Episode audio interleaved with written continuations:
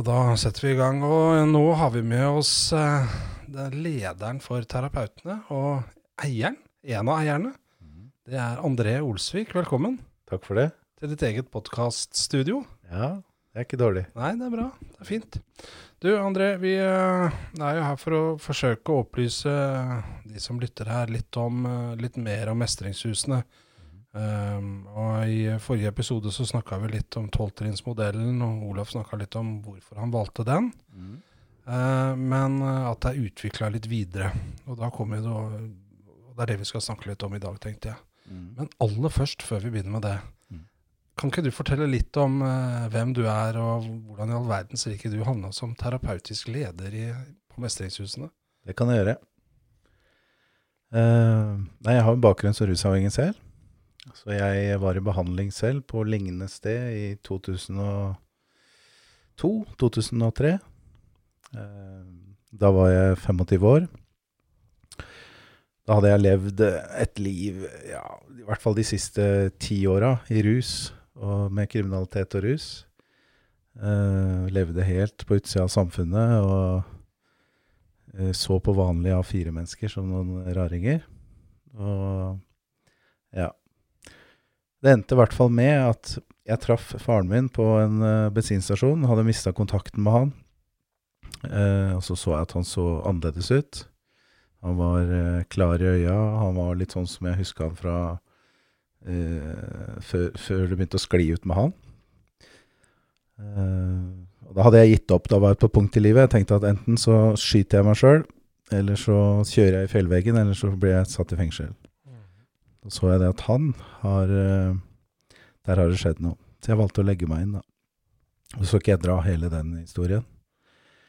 Uh, men så, så det, etter hvert som jeg har fått orden på livet mitt, så har jeg et ønske om å gi det videre. Det er en naturlig prosess. Så, men jeg hadde mange år hvor jeg gjorde andre ting, og jeg fikk livet mitt tilbake og mer enn det.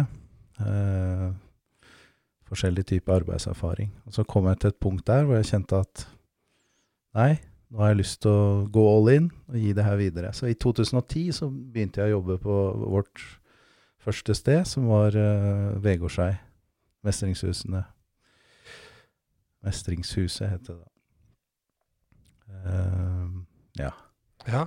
Flott. Og da, da Ja, nei, det er, det er fint, det. Ja. Og da begynte du å jobbe som Du begynte ikke som terapeut med en gang, eller hva var liksom den første jobben du hadde? Jo da, jeg gikk all in. Så jeg begynte, som, jeg begynte på en utdannelse som terapeut. Svensk utdannelse, og jeg begynte å ta masse terapi. Og jeg begynte å ta ansvar for det livet jeg har levd før. Og, og, og så begynte jeg å jobbe som terapeut ganske umiddelbart.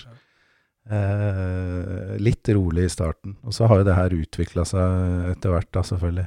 Da begynte jeg å jobbe med noen små grupper og langtidspasienter. Ja, og da var det den å lede den gruppeterapien som vi var litt inne på, som er en del av Mestringshusets strategi. Mm. Uh, og hva da Hvordan eh, Kan du huske liksom første gangen du kom inn i en gruppe og skulle lede det? Ja, ja, ja. Jeg husker veldig godt de første pasientene jeg hadde. Så nei, da var jeg jo ganske redd og usikker og tenkte hva, hva gjør jeg her? Ja. Eh, men samtidig så hadde jeg jo eh, såpass mange år rusfri da at jeg visste jo at jeg hadde noen, eh, fått noen verktøy. At jeg visste at jeg hadde noe å tilby. Så jeg prøvde så godt jeg kunne bare være meg sjøl. Og det er klart, jeg var Jeg husker veldig godt de første pasientene. Så uh, Og for de som ikke har vært borti i gruppeterapi, når vi først har deg her som, eh, som lederen, så er det sånn Hva er eh, gruppeterapi, og hvorfor ble det valgt som, eh, som strategi for Mestringshusene? Det er jo sånn at jeg tror, da, eller min erfaring er det at jeg har, vi har blitt syke, kall det syke, eh, fått destruktive mønstre eh, på egen hånd. Og så er det noe med å komme ut i verden i sammen med andre. Så vi tror på det at i, i sammen med andre så blir ting synlig. Så sånn som det er i gruppa, sånn er det litt ute i samfunnet. Så da kommer alle mine redsel fram, alle mine mønster, hvordan jeg er i møte med andre. Poenget er at jeg kan uh, tilfriskne på en veldig kortere tid da, enn jeg kunne gått i individualterapi kanskje i 20 år, kontra det å gå i en gruppeterapi intensivt en kort periode, så vil jeg komme mye lenger, da, for å si det enkelt. Så det er, det, det, vi tror på gruppeterapi, og vi tror på eh, altså det i møte med andre mennesker, samspillet med andre, er veldig viktig for helingsprosessen. For det er jo sånn at uh, når du kommer til mestringshusene, så er det jo på det man uh, vi kaller for avrusning først, altså en fase én. Ja. Og så, når tid er det på en måte gruppeterapien begynner? Den begynner da i fase to, når de er ferdig avruset, som er da primærbehandlingen, og den er jo tolv uker. Og da er det jo så fort som mulig få det inn i gruppa og begynne å presentere seg og, og begynne å gjøre opp, oppgaver, da. Og hva slags oppgaver er det vi Nei, det er, nei, det er ikke sant? Når en pasient kommer inn, så er han da gjerne i masse skyld og skam fra det livet han har levd tidligere. Så det er naturlig å begynne der. Så vi begynner med noe som heter konsekvensoppgave. Og Da er det sånn at han får komme ut med sine konsekvenser, som er veldig nærliggende. Eh, som handler om hele livet, og spesielt rusbruken. Og Så får han da sitte i gruppe med andre som kjenner seg igjen, og som, så han kan dele den skammen. Eh, sånn at den blir mindre. da. Det er hele poenget. At han skal få lov å komme ut med det han har gjort. Da, det er jo gjerne sånn, sånn at han går rundt og tenker at han har gjort ting ingen andre har gjort. At han er et forferdelig menneske. At, uh, at en ikke kan snakke om det med noen, osv. Så, videre. så uh, vi, vi, hiver oss rett på konsekvensoppgave. Og der sitter det én terapeut sammen med en gruppe på En gruppe på en ti-tolv stykker. Det varierer jo litt, da. Så vi har jo flere forskjellige grupper på huset i forskjellige faser. Ja. Mm. Og da er du der. Hvor, hvor, lenge kan du ta oss litt igjennom når du da ja. kommer som pasient da inn i, i fase to og legger frem konsekvensoppgaver? Hva skjer da? Ja. Så, det, så gjør de en fire-fem oppgaver til i løpet av den tolvukersperioden. Da er det å, å, presentere for hverandre i gruppe og gi hverandre tilbakemeldinger. Og folk som er der, er jo forskjellige faser, for de har vært der i ulik tid. Så det er det som er bra, at noen kan kjenne seg inn og gi tilbakemelding på det. Og noen er ferske og redde og usikre. Så vi har alle faser. Mm. Så det, kommer vi over eh, etter tolv uker i noe som heter fase tre. Og det er jo langtidsbehandling. Mm. Og da begynner vi å åpne for permisjoner. Ja, ok. Så her er det da tolv uker intensiv gruppeterapi. Ja. Og så er det da en familieuke. Det skal vi komme litt tilbake igjen til. Vi skal ha inn eh, vedkommende som er ansvarlig for familieuka, og snakke litt om det. Ja. Og så går man da over i en fase tre, mm. og da begynner det med permisjoner. Mm.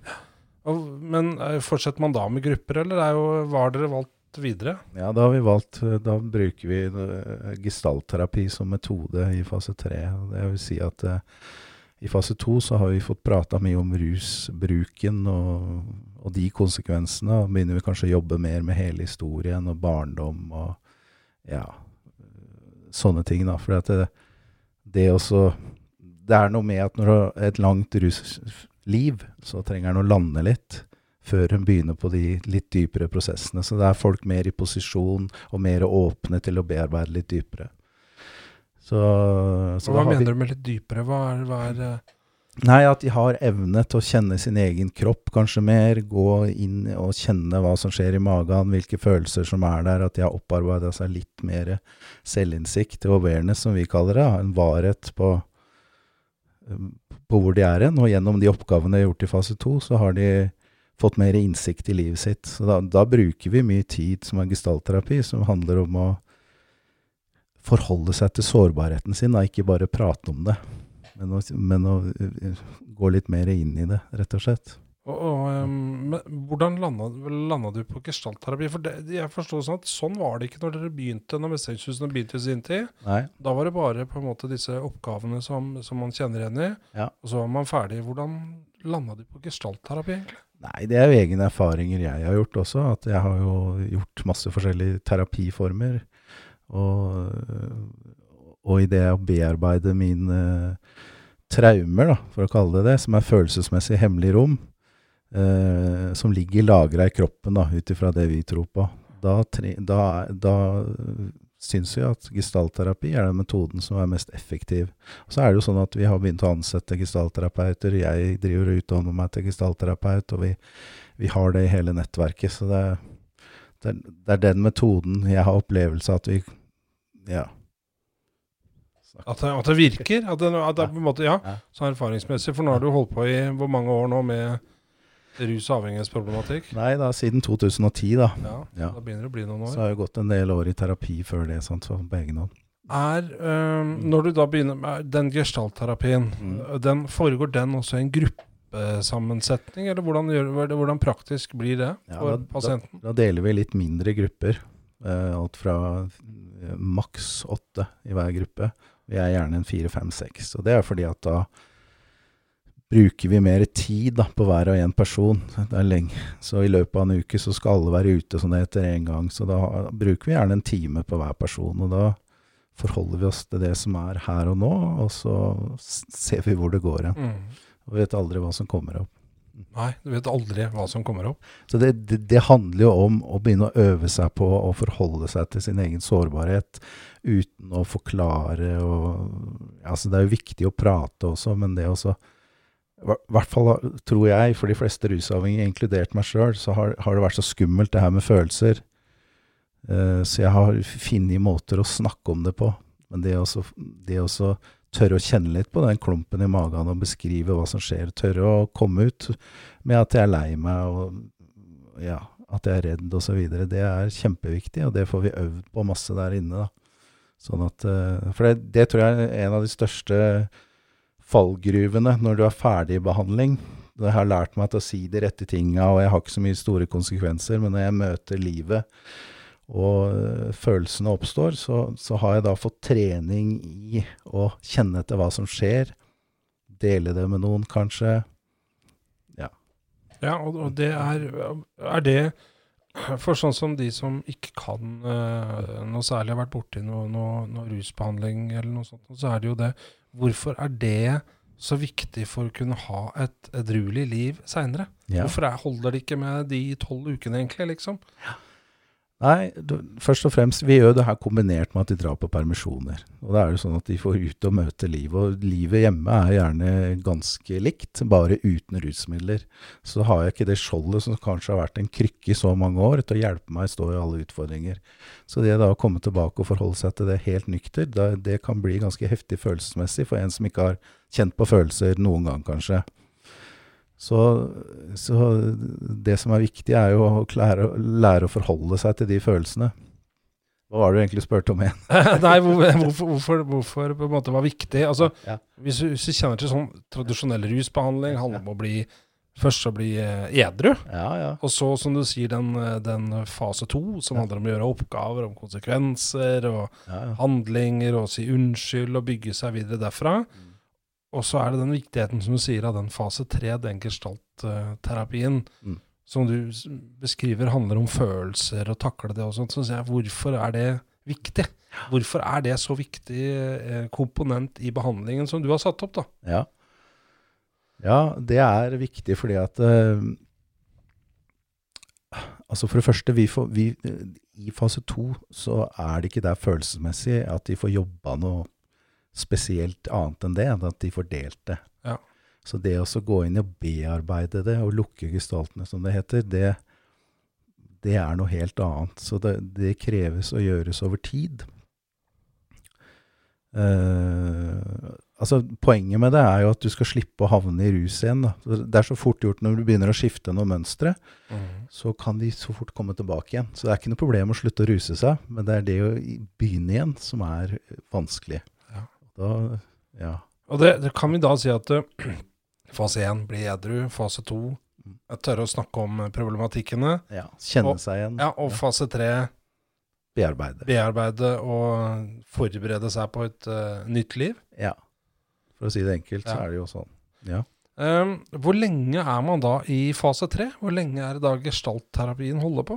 Nei, det er alt fra tre til ni måneder. Folk er jo gjerne opp til et år i behandling her. Ja. Så, så veldig mange er her i lang tid. Eh, og det er jo også de vi har mest suksess med. De som tar tida si og tør å være mye på perm og mye her og jobbe med utfordringer som dukker opp underveis. Som en slags sånn utslusing. Ja. Er det noen andre liksom, på, institusjoner du har sett til, eller bygd noe rundt, eller har du på en måte tatt det du føler fungerer litt her og der, og satt det sammen? Ja, det er jo litt sånn Det er jo tidligere erfaring. Vi har hatt langtidsbehandling før også. Da har det vært mer oppgavebasert. Men det er klart at eh, etter hvert som jeg har blitt bedre på å forholde meg til mine egne følelser, så er det lettere å, å gi det videre også. Ja. Ja. Så så da henger det liksom litt sammen. Men, eh, men uh, også i tillegg til dette her, så er jo uh, Mestringshusene ser det er en, vi har vært inne på det, en tolvtrinnsklinikk som følger anonyme alkoholikere og. Anonymous eh, Narcotics, altså NA sin, sin filosofi videre. ja. Um, og det, er, det bygger jo på at man skal være, oppsøke møter så mye som overhodet mulig etterpå. Er det ikke også noe av det? Jo da, altså Det er jo tolv- tolvtrinnsinspirert behandling, og grunnen til det er at jeg vet ikke om noe bedre ettervern i forhold til at de kan gå et sted og minne seg sjøl på at de er rusavhengige, og så er det et ønske om å holde seg rusfri der som handler om total totalavholdenhet, og det er ikke alle steder som er. Det betyr at det ikke er noe alkohol eller Nei, Så selv om du da har vært avhengighet av narkotika, så er det ikke noe alkohol? Nei, ja, vi, vi tror ikke på det. da. Og så vet jeg også at det er mange som får til det etter hvert, men jeg tenker i hvert fall spesielt de første åra, så er det jo kritisk å ha et nettverk og et sted en gå som er gratis, som du kan eh, dele erfaring, styrke og håp, som det heter, og du kan eh, eh, være i et miljø med folk som vil de samme tinga. Ja. ja. Og hvor, hvor, Og derfor, derfor så sender vi folk på møter. For det er jo ikke noen syns er noe gøy i starten, gjerne. Eh, Det, det er noen rare greier. ja. Og, og, men, men det er hovedgrunnen, egentlig. da, Så er det jo sikkert noen andre som velger andre veier etter hvert. Men oppskriften, altså grunnmodellen, ligger at du skal på en måte påminne deg sjøl. Altså når du er ferdig da i, Ja. i fase tre her og skal ut i livet igjen, så skal du på en måte en gang i uka bli påminnet på at eh, du har denne sykdommen. Ja. Det er mange som eh, sikkert vil spørre seg eh, Vi har jo dette med fritt sykehusvalg, altså det var vi inne på med, med Ola forrige gang. og Vi bruker betegnelser som sykdom og følelsessykdom. Mm. Um, på hvilken måte er, eh, er det vi ser på dette som, som en sykdom? ja. Jeg har jo litt ambivalent forhold til det der sjøl. Ja. Fordi at det er jo eh, Jeg ser ikke på meg selv som syk, og jeg ser ikke på de klientene her heller som, som syke. Men, men når de er fanga av avhengigheten og er mentalt besatte, så kan du se på det som en sykdom. Hvor de, ikke sant, Du kan jo si til en alkoholiker at du får en Ferrari hvis du slutter å drikke, men han kommer ikke til å slutte å drikke. Nei. Fordi han er så mentalt besatt. Så han har mista helt styringa og, vilje over eget liv. Så, Så det er ikke sykdom i den forstand som de som hører på, som kanskje ikke kjenner til det. det vi, Jeg vil påstå det at den blir trigga med en gang jeg begynner å ta i meg rusmidler, så blir det vanskelig å slutte. Ja. Men ellers i samfunnet så, så, så er jeg som andre mennesker. mm. Men jeg er klart at folk som kommer inn her, har en historie. Med gjerne vanskelig barndom. Med, det kan være alt mulig. Med traumer. Så de, de, de tinga der må vi jobbe med ved siden av. Men det, men det er uavhengig av sykdommen. Som du ser det når jeg først har det her, så vet jeg at det er mange som lurer og som spør meg. Jeg jobber jo som miljøterapeut her også, så Men blir man noen gang frisk? Nei, det, e- egentlig ikke. Ikke i forhold til det her med rus. Nei. Nei, det gjør den ikke.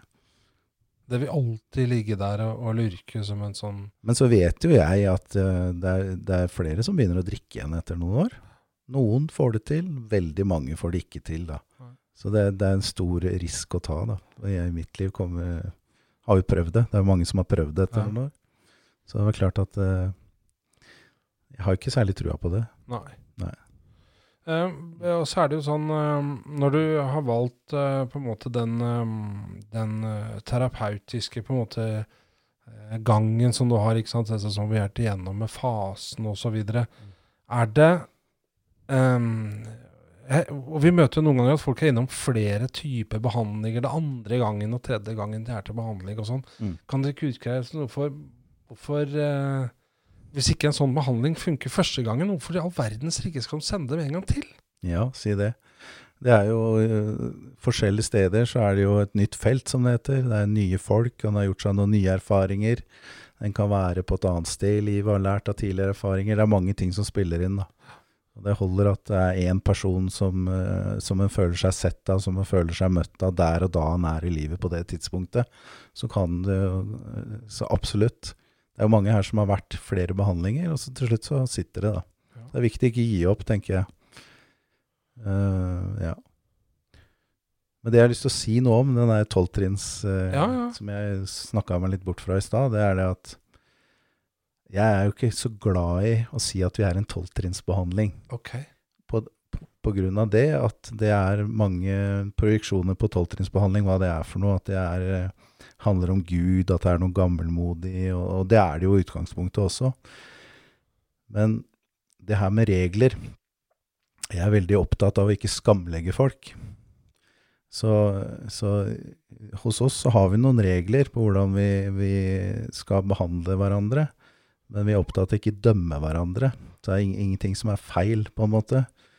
Eh, så det, det jeg har lyst til å si at det, det som er bra med gestaltterapi, at vi, vi prøver å ikke vurdere hva som er rett eller feil, men det er opptatt av at hver og en skal bli mer av seg selv.